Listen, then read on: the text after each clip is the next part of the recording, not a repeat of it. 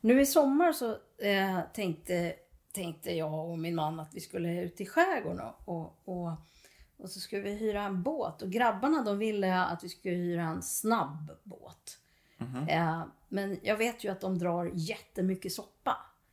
Eh, och, och för mig var det ju eh, så förstås av klimatskäl att jag inte vill att, att, att det ska dra för mycket soppa. Men det värsta tanken är, tänk om jag blir, jag jobbar med de här klimatfrågorna, vi, vi håller på och pratar om det i den här, eh, i den här podden och sen blir jag sedd på en sån där bensinslukande båt i, ute i, vid Möja. Va? Ja, just det. Så jäkla pinsamt.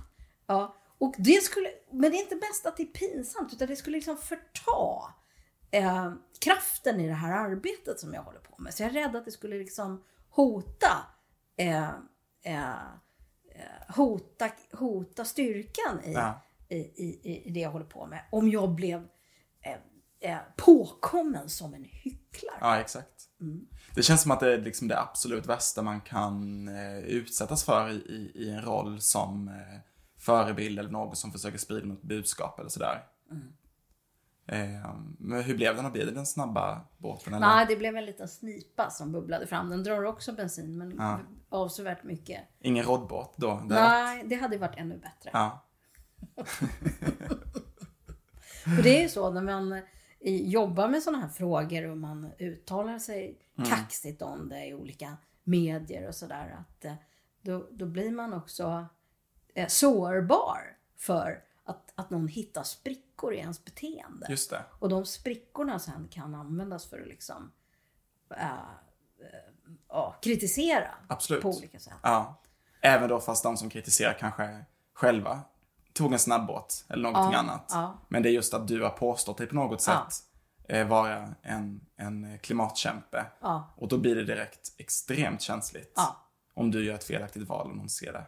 Och varför är det så? Ja. Kan man undra. Vi ska prata lite om förebilder idag och, en, en, eh, och kanske icke-förebilder Ja. också, ska vi komma in på.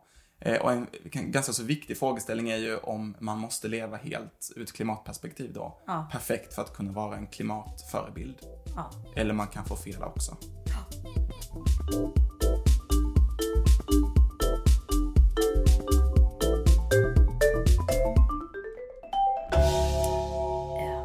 Hjärtligt välkomna till ett nytt avsnitt av podden Klimatgap som produceras av Södertörns högskola. Eh, som vanligt är det jag, Isak Janne, som sitter och samtalar med min kära vän Maria Wollratz Söderberg. Hej Maria! Hej Isak. Vi är inte i någon studio idag, utan vi är faktiskt i, i, eh, i ditt vackra hem. Ja. Och det är sommar. Det är sommar och det är därför vi gör det här lite eh, på annat sätt. Eh, över en kopp kaffe istället, uppkrupta i en, en liten hemmabyggd studio i, i din soffa. Så att det, det kan vara ett så här knaggligt eh, ljud, någon, något kylskåp som brummar i bakgrunden, eh, någon katt som jamar. Eh, du har ingen katt kanske Nej. för sig, men ja. Ändå. Jag försöker ändå presentera någon form av, av eh, Hemkänsla. Ja men precis, exakt. Så att eh, om det inte är perfekt studioljud idag så är det istället förhoppningsvis andra positiva aspekter med det här avsnittet. Att, att det blir intimt kanske på ett helt annat sätt. Ja. Och det är ju så nära jag har kommit till någonsin att vara i ditt hem. Det är lite, det känns lite privat och lite som en privat visning jag fått där. Just det. Eh, Och vi ska prata om förebilder idag och du är ju kanske i och för sig en lite av en förebild eh, för mig, kan man ju säga. Tänkte lite spontant när vi kommer till klimatet. Det tänkte du? Ja. Ja. Hur känns det när, jag, man Ja. säger en sån sak? Ja. Ja, I så fall är det nog vissa aspekter att jag kan saker om forskningen som, som gäller. Eh, Men du är ju en förebild för mig då därför att du har Nej. väldigt låga utsläpp. Ja, just det. Ja. Om jag nu har det, det vet vi inte riktigt. Nej, det vet vi inte riktigt. Nej. Men det borde vara så. Det är förhoppningsvis så att Mm. jag har det. Men eh, vad innebär att vara en förebild eh, eh, för någon? Vad, vad betyder liksom själva termen förebild? Ja, men jag tänker att man kan förstå det på olika sätt. Och, och det finns också olika för, förklaringsmodeller inom forskningen eh, för vad det är som gör att någon upplevs som en förebild. Ja, för det första verkar det finnas ett, en dimension som handlar om identifikation. Att man kan känna igen sig i, i personen. Eh, och vilja vara som den. eller vilja leva som den. Sen är det inte säkert att det är en person som är en förebild. Det kan också vara liksom en grupp. Och det verkar som, ju mer man forskar om de här sakerna så verkar det som om det snarare är grupper och sociala sammanhang som är förebilder än enskilda personer. Fast ibland är det mm. verkligen enskilda personer som, som är symboler på något sätt. Eh, för, för beteenden och ett liv som man själv vill åstadkomma. Just det. Jag tänker i klimatsammanhang så kanske också de här, eh, eh precis som du säger, symboler, de här personerna mm. då mm. personifierar hela rörelser eller, eller synsätt ja. på forskning eller, eller klimatförändringarna och så vidare. Jag tänker också att en förebild kan också vara någon som går före. Ja. Som testar ett annat sätt att vara. Och då blir det mindre otäckt och läskigt att det är alltid jobbet att vara först. Det blir ja. mindre otäckt och läskigt att följa. Just det. Ja.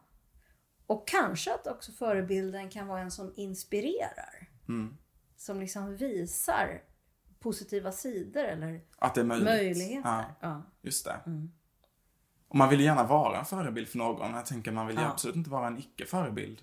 Nej, och det där är intressant för när man tittar på eh, det, i den här studien som jag och eh, min eh, kollega Nina Worms har gjort om, med människor som faktiskt har ändrat be beteende ehm, eh, när, för klimatets skull.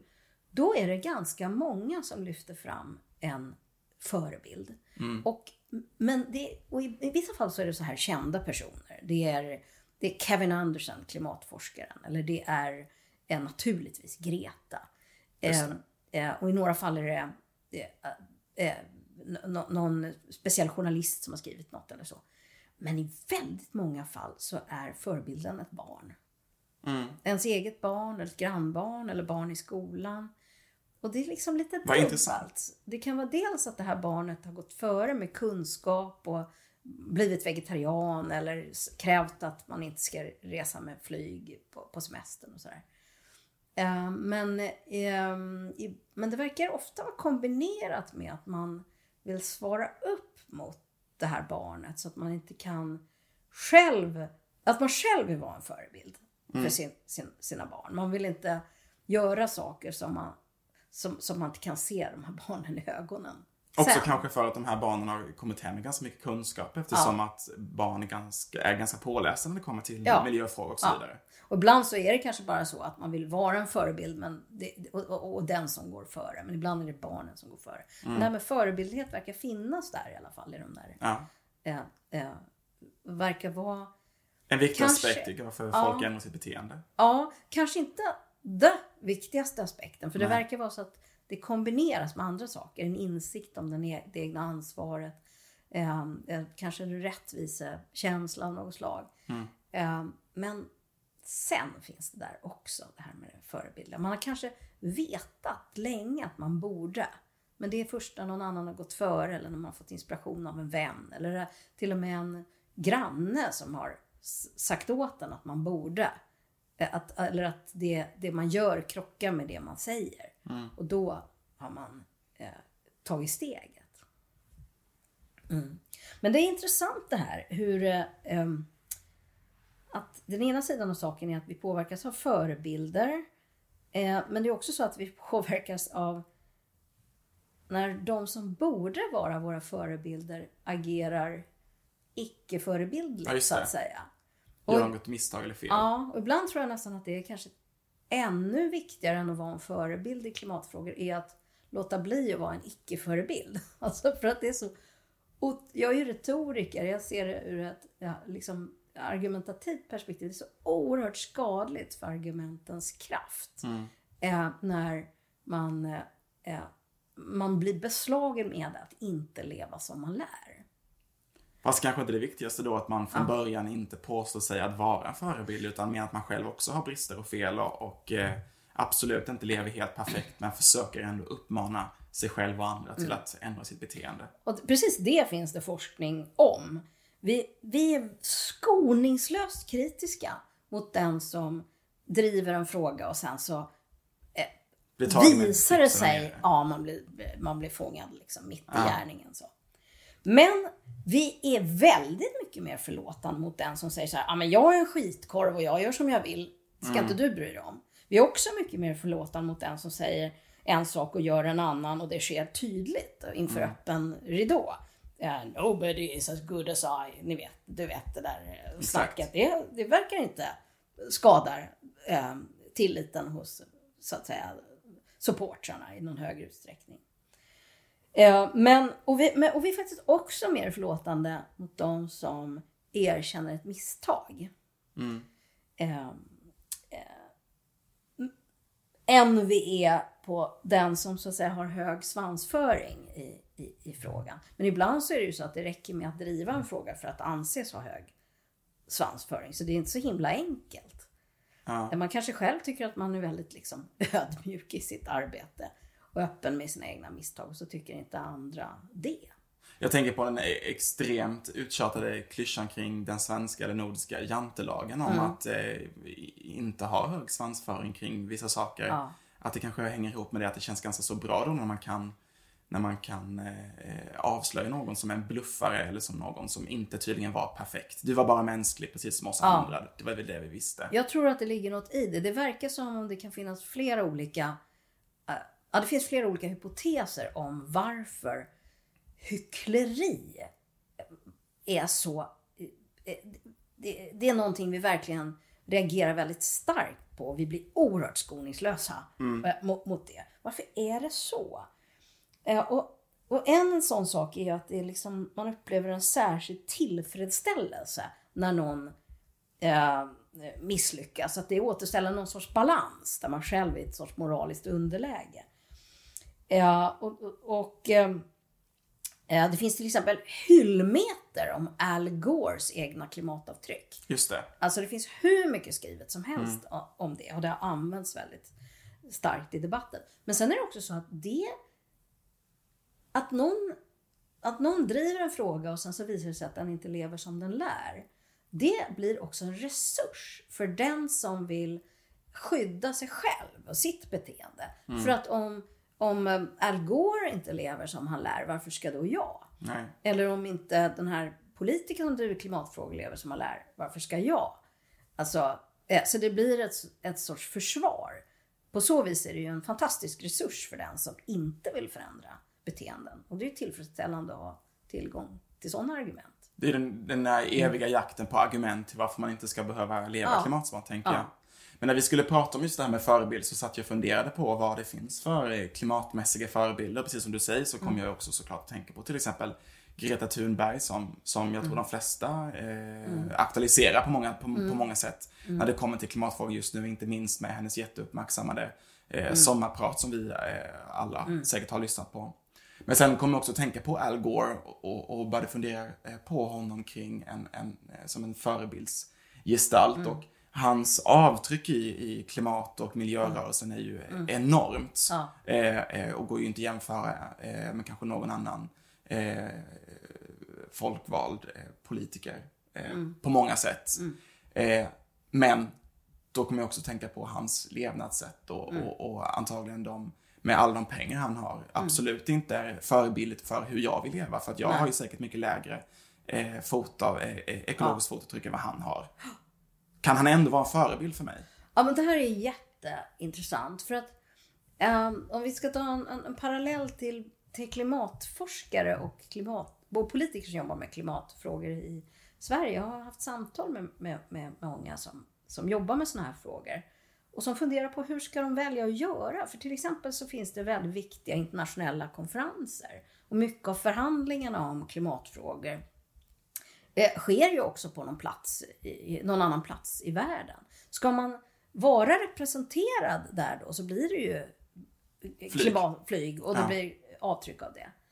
Eh, och då tycker, man, då tycker många så här, ja men det måste vi ju vara för att om vi inte gör det så, så, så missar vi en väldigt viktig möjlighet att påverka. Och att det då är ett viktigare värde. Eh, och så att om någon ska flyga så är det ju de politiker som jobbar med klimatfrågor och, och, och det är klimatforskare. Och det är faktiskt också så att när man tittar på eh, eh, eh, tittar lite grann på eh, har, har ett, eh, eh, är lite inblandad nu i en studie som handlar om eh, forskares eh, klimatavtryck. Och då kan man se just att eh, i, i miljöer där det finns mycket klimatforskning så är det ofta väldigt höga. Mm. Eh, just i, i, i den här, på, på den här eh, universitetet som vi tittar på nu. Eh, och, eh, och, och, och, och då kan man ju tycka att det är jätterimligt. Men, men det blir samtidigt så att man också måste väga in den retoriska dimensionen av att, att, att man då agerar icke-förebildligt. Mm. Och då finns det studier som visar att det verkligen påverkar tilliten till forskarna om man lever som man lär eller inte. För om inte ens klimatforskarna gör det, varför ska vi göra?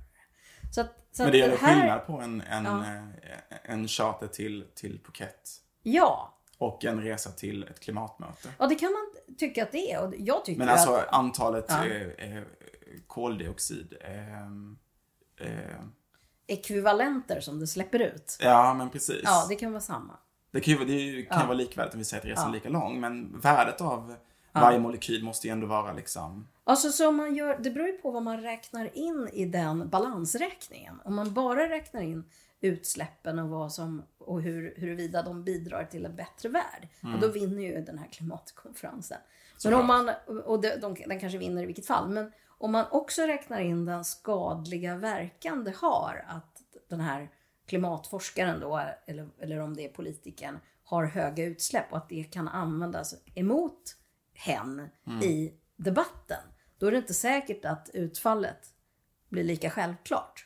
Så även som man politiker eller, Mm. eller eh, klimataktivist vet att mitt avtryck om jag flyger till det här klimatmötet Mm. är större för eh, liksom klimatnyttan. Ja. Så kan man behöva överväga om man ändå ska flyga eftersom att man då kan få sina argument urholkade. Ja, vi ser att det, det, det är väldigt tydligt att, att allmänheten påverkas väldigt mycket av, av det. Och att det kanske inte finns något argument som är starkare ehm, än att man faktiskt försöker leva eh, i enlighet med sin kunskap och gör det väldigt tydligt.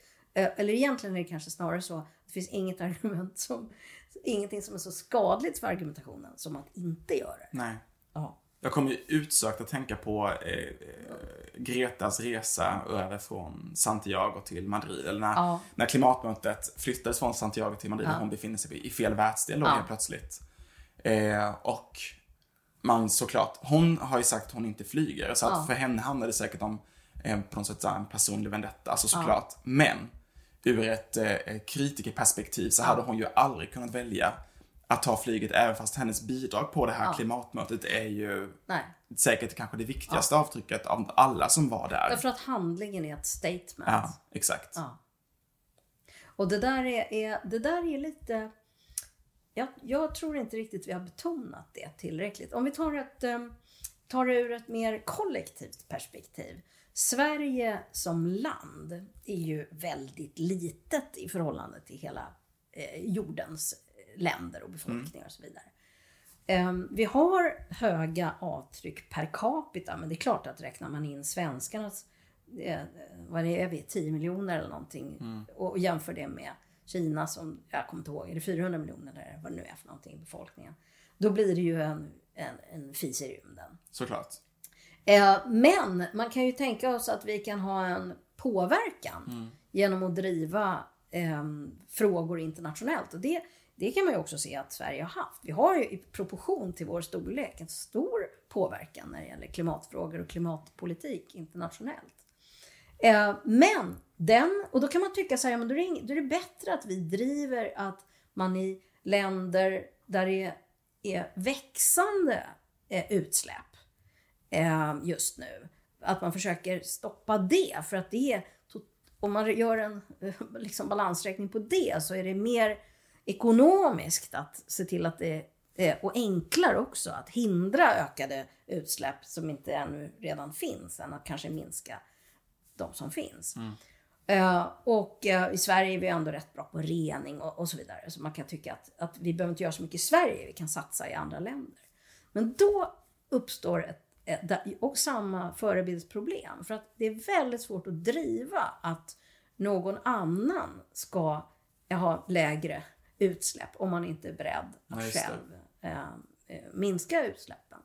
Eh, eller om man tänker att man själv ska ligga kvar på en väldigt hög nivå och då vill stoppa andra från att nå samma nivå. Så det här är ju eh, en dimension som är lite, o, ja, är lite förbisedd, eh, tycker jag i alla fall, mm. i, i, i, när man tänker kring eh, politik. I, det, det, är samma mm. knepigheter som drabbar Sverige som klimatförebild, mm. tänker du, som drabbar enskilda personer som försöker vara förebild? Eller ja, men det finns i alla fall en sorts parallell ja. eh, där. Men när vi, inför det här så när man, när jag googlade runt mm. lite så här och googlade mm. på förebilder och, och, och, Sverige eller klimat mm. och så vidare i olika kombinationer. Så en, en väldigt vanlig träff är ju olika uttalanden om Sverige som en klimatförebild ja, för andra länder då helt enkelt. Eh, varför är det så himla viktigt? Varför är det så många som pratar om att Sverige som klimatförebild? Ja, det och hur kan vi ens tala fråga. om oss som förebild när vi har de liksom högsta utsläppen i världen per capita? Eller topp, eh, vad är det, topp 10-15? Ja, det kan man faktiskt verkligen ifrågasätta. Eh, eh, men man kan ju tänka att vi åtminstone har potential att vara en förebild därför att vi har eh, liksom kanske ligger framkanten när det gäller teknik och, och eh, har, var, har haft hög svansföring mm. i, i, när det gäller klimatpolitik. Eh, Men eh, jag tycker det är en bra fråga du ställer. Man kan fråga sig, är vi verkligen en förebild? Eh, ja. det är ju också, också så att, eh, eh, att klimatpåverkan är starkt kopplad till till välstånd. Det är ju så att de som har hög, höga inkomster per capita har också högre konsumtion per capita och på det stora hela också då högre eh, utsläpp. Eh, och det betyder ju att det finns ett särskilt ansvar att gå före. Definitivt. Kan man tänka. Man har den ekonomiska ja. förutsättningen för ja. att, att kunna ställa om och så vidare. Ja. Jag tänker mycket det här förebildigheten om Sverige mm. handlar ju såklart också om den här kapplöpningen som eh, ja. lite pågår just nu. Att vara det första landet och den första världsdelen och, och så mm. vidare, region och så vidare. Som går ner till netto noll utsläpp där, ja. där Sverige då eh, har ju ett väldigt starkt mål för sig själva. Men, ja. men det kommer ju ett par andra länder också som som, ja. som eh, aspirerar på samma titel så att säga. Ja, sen är det ju också så att vi, det räcker ju inte att vi har höga mål. Vi måste ju också på något vis leverera och just nu mm. har det ju fattats en del beslut som går rakt på kontrakurs med de här målen. Så att, eh, det, det, är ju besvärligt.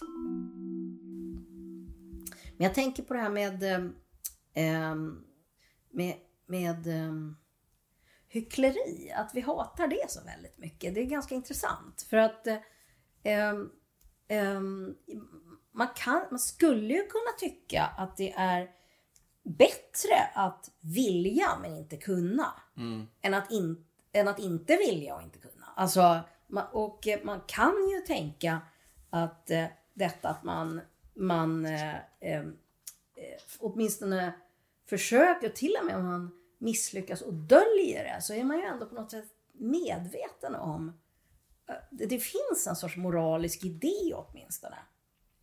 Eh, jag läste eh, Kerstin Geselius som om, skrev om någonting helt annat. Då skrev hon så här. Att odla en dubbelmoral är dessutom ljusår bättre än att inte odla någon moral alls. Dubbelmoralen är samhällets lilla bågfil som går fram och tillbaks genom muren mellan oss och världen och som någon gång kanske kan få den att rämna. Så på sätt och vis kan man tänka att man kanske skulle hylla dubbelmoralen. Alltså. Mm. Ja, och jag funderar också över det. Ja, det. Det är ett märkligt krav detta vi har på varandra att, att, att man inte ska få tycka eller driva någonting om man eh, inte kan leva det själv. Är det inte en orimlig förväntan ibland så här att ja men om en person som tycker att vi, vi, vi bör ha eh, hög skatt eller högre skatt, den borde i så fall skänka lite extra till staten. Eh, så, så, så resonerar vi inte i största allmänhet. Um, och på ett sätt så tycker jag att en person borde kunna kritisera en samhället, ett samhälles strukturer utan att man då får skit om man inte klarar av att leva helt utanför samhällets strukturer eller bortom samhällets strukturer. Ja, och så å ena sidan tänker jag så. Å andra sidan så tänker jag så att, att det blir ju jättekonstigt. Man är hos en läkare och läkaren säger så här, du måste verkligen sluta röka. Röka är så himla skadligt. Och sen kommer du ut eh, utanför kliniken och där står läkaren och röker sig med borstbindare. Det är klart som tusan att det påverkar tilliten till budskapet. Jo. Fast i det här fallet så ja. drabbar ju bara rökningen den som röker. Så att ja. det är lite dumt att på något sätt okay. fortsätta röka för att okay. läkaren kommer också få cancer. Jag vet, du har rätt. Och det, och det är faktiskt, det var väldigt bra. Okej, okay, jag tar tillbaks, det var ett dåligt exempel. Men det här då, eh, så pekar då i den riktning som du säger. Det, jag läste faktiskt häromdagen hur, eh, hur eh, en av USAs mest högljudda kritiker av statliga bidrag, nämligen Ayn Rand Organization. De har just fått massa kritik för att de tar emot stödlån från staten. Mm. Och det är en sån här grej som, som det är omåttligt komiskt liksom. Ja. När det finns en sån spricka. Ja, så att jag, jag, jag tänker å ena sidan, vad fasiken, man måste ju få kritisera något utan att kunna leverera en totalt liksom total anpassning till den idén. Å andra sidan så det går inte att frigöra den man är från den man gör eller det man tycker från det man gör. Det hänger ihop på något sätt. Mm. Men apropå det du sa just om, mm. om, om dubbelmoralen där så kände jag igen det där citatet men den gången jag hörde det så var det eh, Peter Stordalen, den här norska mm. eh, eh, ja. entreprenören som sa detta i en intervju, jag tror hos eh, Skavlan om inte jag är helt fel ute. Ja, vad sa han då, då? Nej men han, eh, fick, han pratade jättemycket om miljön och hans ansvar som, mm. som, som driver så mycket olika företag och, mm. och, och, och, har liksom så mycket verksamhet och människor under sig på något sätt liksom och ansvarar för på så sätt jättemycket utsläpp. Eh, och då var, fick han just den frågan om inte det var en eh, dubbelmoral. Att han sitter där och pratar om miljö och klimat och hur viktigt det är och sen samtidigt då driver eh, sån här extremt skadlig, extremt skadlig verksamhet, men han driver ändå på liksom eh, verksamhet som är skadlig för klimatet och ökar konsumtion på olika sätt och resor och så vidare. Mm. Eh, och då sa han också det att, att dubbelmoral är i alla fall bättre än ingen moral alls. eh, och det tyckte jag var lite så här snyggt sätt att rädda sig ur den här situationen på något sätt. Nu lät det plötsligt mindre sympatiskt. Ja.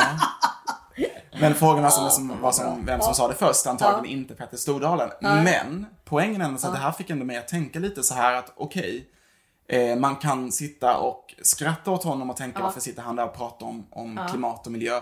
Men det är väl ändå bättre att han som, som miljardär och, och eh, ansvarig entreprenör för mycket företag tänker på miljön än att han inte gör det alls.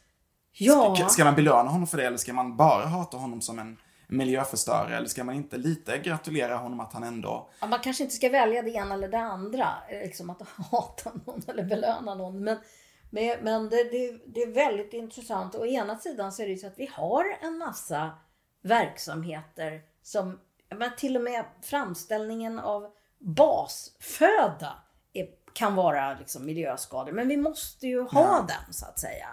Nu eh, håller inte Petter Stordalen på med nej, nej, nej, jag bara tog vetemjöl och morötter.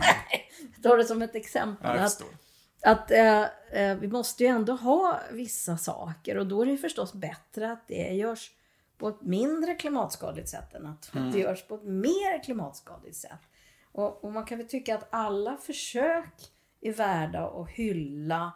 Samtidigt så vet så är det nog en, kan man se en hel del greenwashing också. Som Såklart. det brukar kallas när man försöker skapa sig ett an, anseende och liksom rida lite på den här mm. gröna, eh, på hållbarhetsvågen på olika sätt. Och sen så levererar man inte riktigt verkligen det.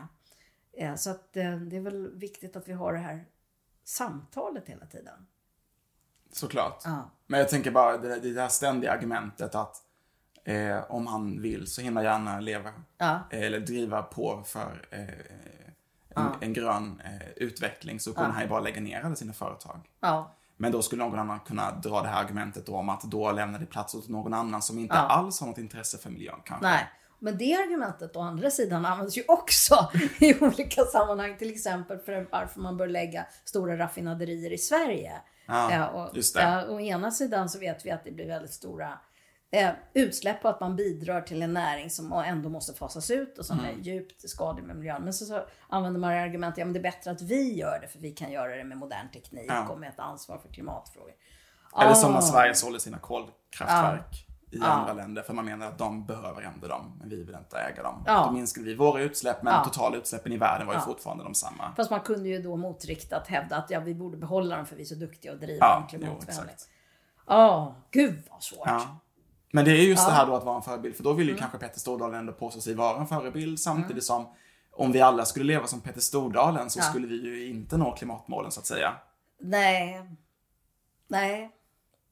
Men jag ser ju mer upp till Petter Stordalen som en Ja. företagsledare än till andra företagsledare som totalt skiter i miljön. De finns ju också menar jag. Ja. ja. Jag tror nog ändå att det är väldigt viktigt med företagsledare som driver sådana här frågor och visar att de tar det på allvar och eh, drar med sig andra. Just på grund av att identifikation är så himla väsentligt. Så om man vill att företag ska ta ett, eh, ett, stort eh, klimatansvar, då kanske det är väldigt viktigt att på olika sätt bidra till att lyfta sådana företag och organisationer som, som försöker göra det. Och sen vara medveten om att det är förbaskat svårt.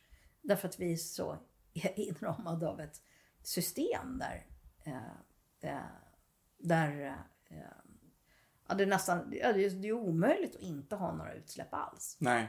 Mm. Exakt. Då får man vara väldigt passiv. Ja, då får man... Jag har hört någon gång att även Mm. fast man skulle sänka sina egna utsläpp så har vi samhällsutsläpp i Sverige som vi alla på något sätt behöver dela på. Ja. Eh, som eh, redan liksom överskrider då det här jordklotet som vi bara har om, Ja. man, om man räknar antalet jordklot vi använder oss av. Ja. Så det känns som ett litet eh, knivigt läge där. Det är ett knivigt läge och det kan man ju tänka att Även Att för det- Petter Stordalen. Ja, så även för Petter Stordalen, men även för dig och mig Isak. ja, Ja. kanske Fast framförallt. jag tycker ändå det är, ett, det är ett dåligt argument för att låta bli att försöka. Definitivt. Ja. Men Isak, hur tänker du kring folks förväntningar? Nu är du med i den här podden och är engagerad i såna här frågor. Hur tänker du kring dina vänner och bekantas förväntningar på din förebildlighet? Jo, men precis. Ehm, men alltså det första jag tänker på är ju att jag gör ju inte den här podden tillsammans med dig för att jag någon gång har påstått att jag har de lägsta utsläppen i Sverige på något Nej. sätt. Eh, och då kan man ju fråga sig varför gör du den då? Borde inte någon annan då som, som har lägst utsläpp göra det istället? Men eh, min förebildlighet kanske på något sätt i alla fall är att jag väljer att lägga min tid på att eh, liksom utbilda mig själv och på så sätt också sen sprida den kunskapen Ja. till andras. Eh, och på det sättet kanske det kan ha ett bidrag också som kan vägas in i den, liksom, den Ja. totala ekvationen. Men eh, det är klart, det, någon skulle ju absolut som känner mig kunna peka på brister och fel jag har i mitt beteende. Ja. Eh, mm, som absolut inte är goda exempel där till exempel eh, Greta Thunberg antagligen hade levt betydligt mer Mm. klimatsmart än mig. Jag kanske hade tagit flyget från Santiago Mm. till Madrid, jag vet inte. Jag är också rädd för öppna hav, så att eh, mm. Ja, jag, jag tycker att det här har blivit mycket mer brännande de senaste åren. I och med att jag har yttrat mig i medier och jag har eh, berättat om min forskning i olika sammanhang. Eh, då känns det ju som om eh, att det blir så himla viktigt. Så jag ägnar väldigt mycket tid åt att fundera över mina val. Men då inser jag ju också hela tiden att jag misslyckas. Alltså, ja men nu hyrde vi den där snipan. Eh, och, och den hyrde vi för att eh, det är den sortens båt som eh, har motor då som drar minst som jag kunde komma på. Bättre hade det varit att ha en roddbåt förstås, men den kunde vi inte bo i.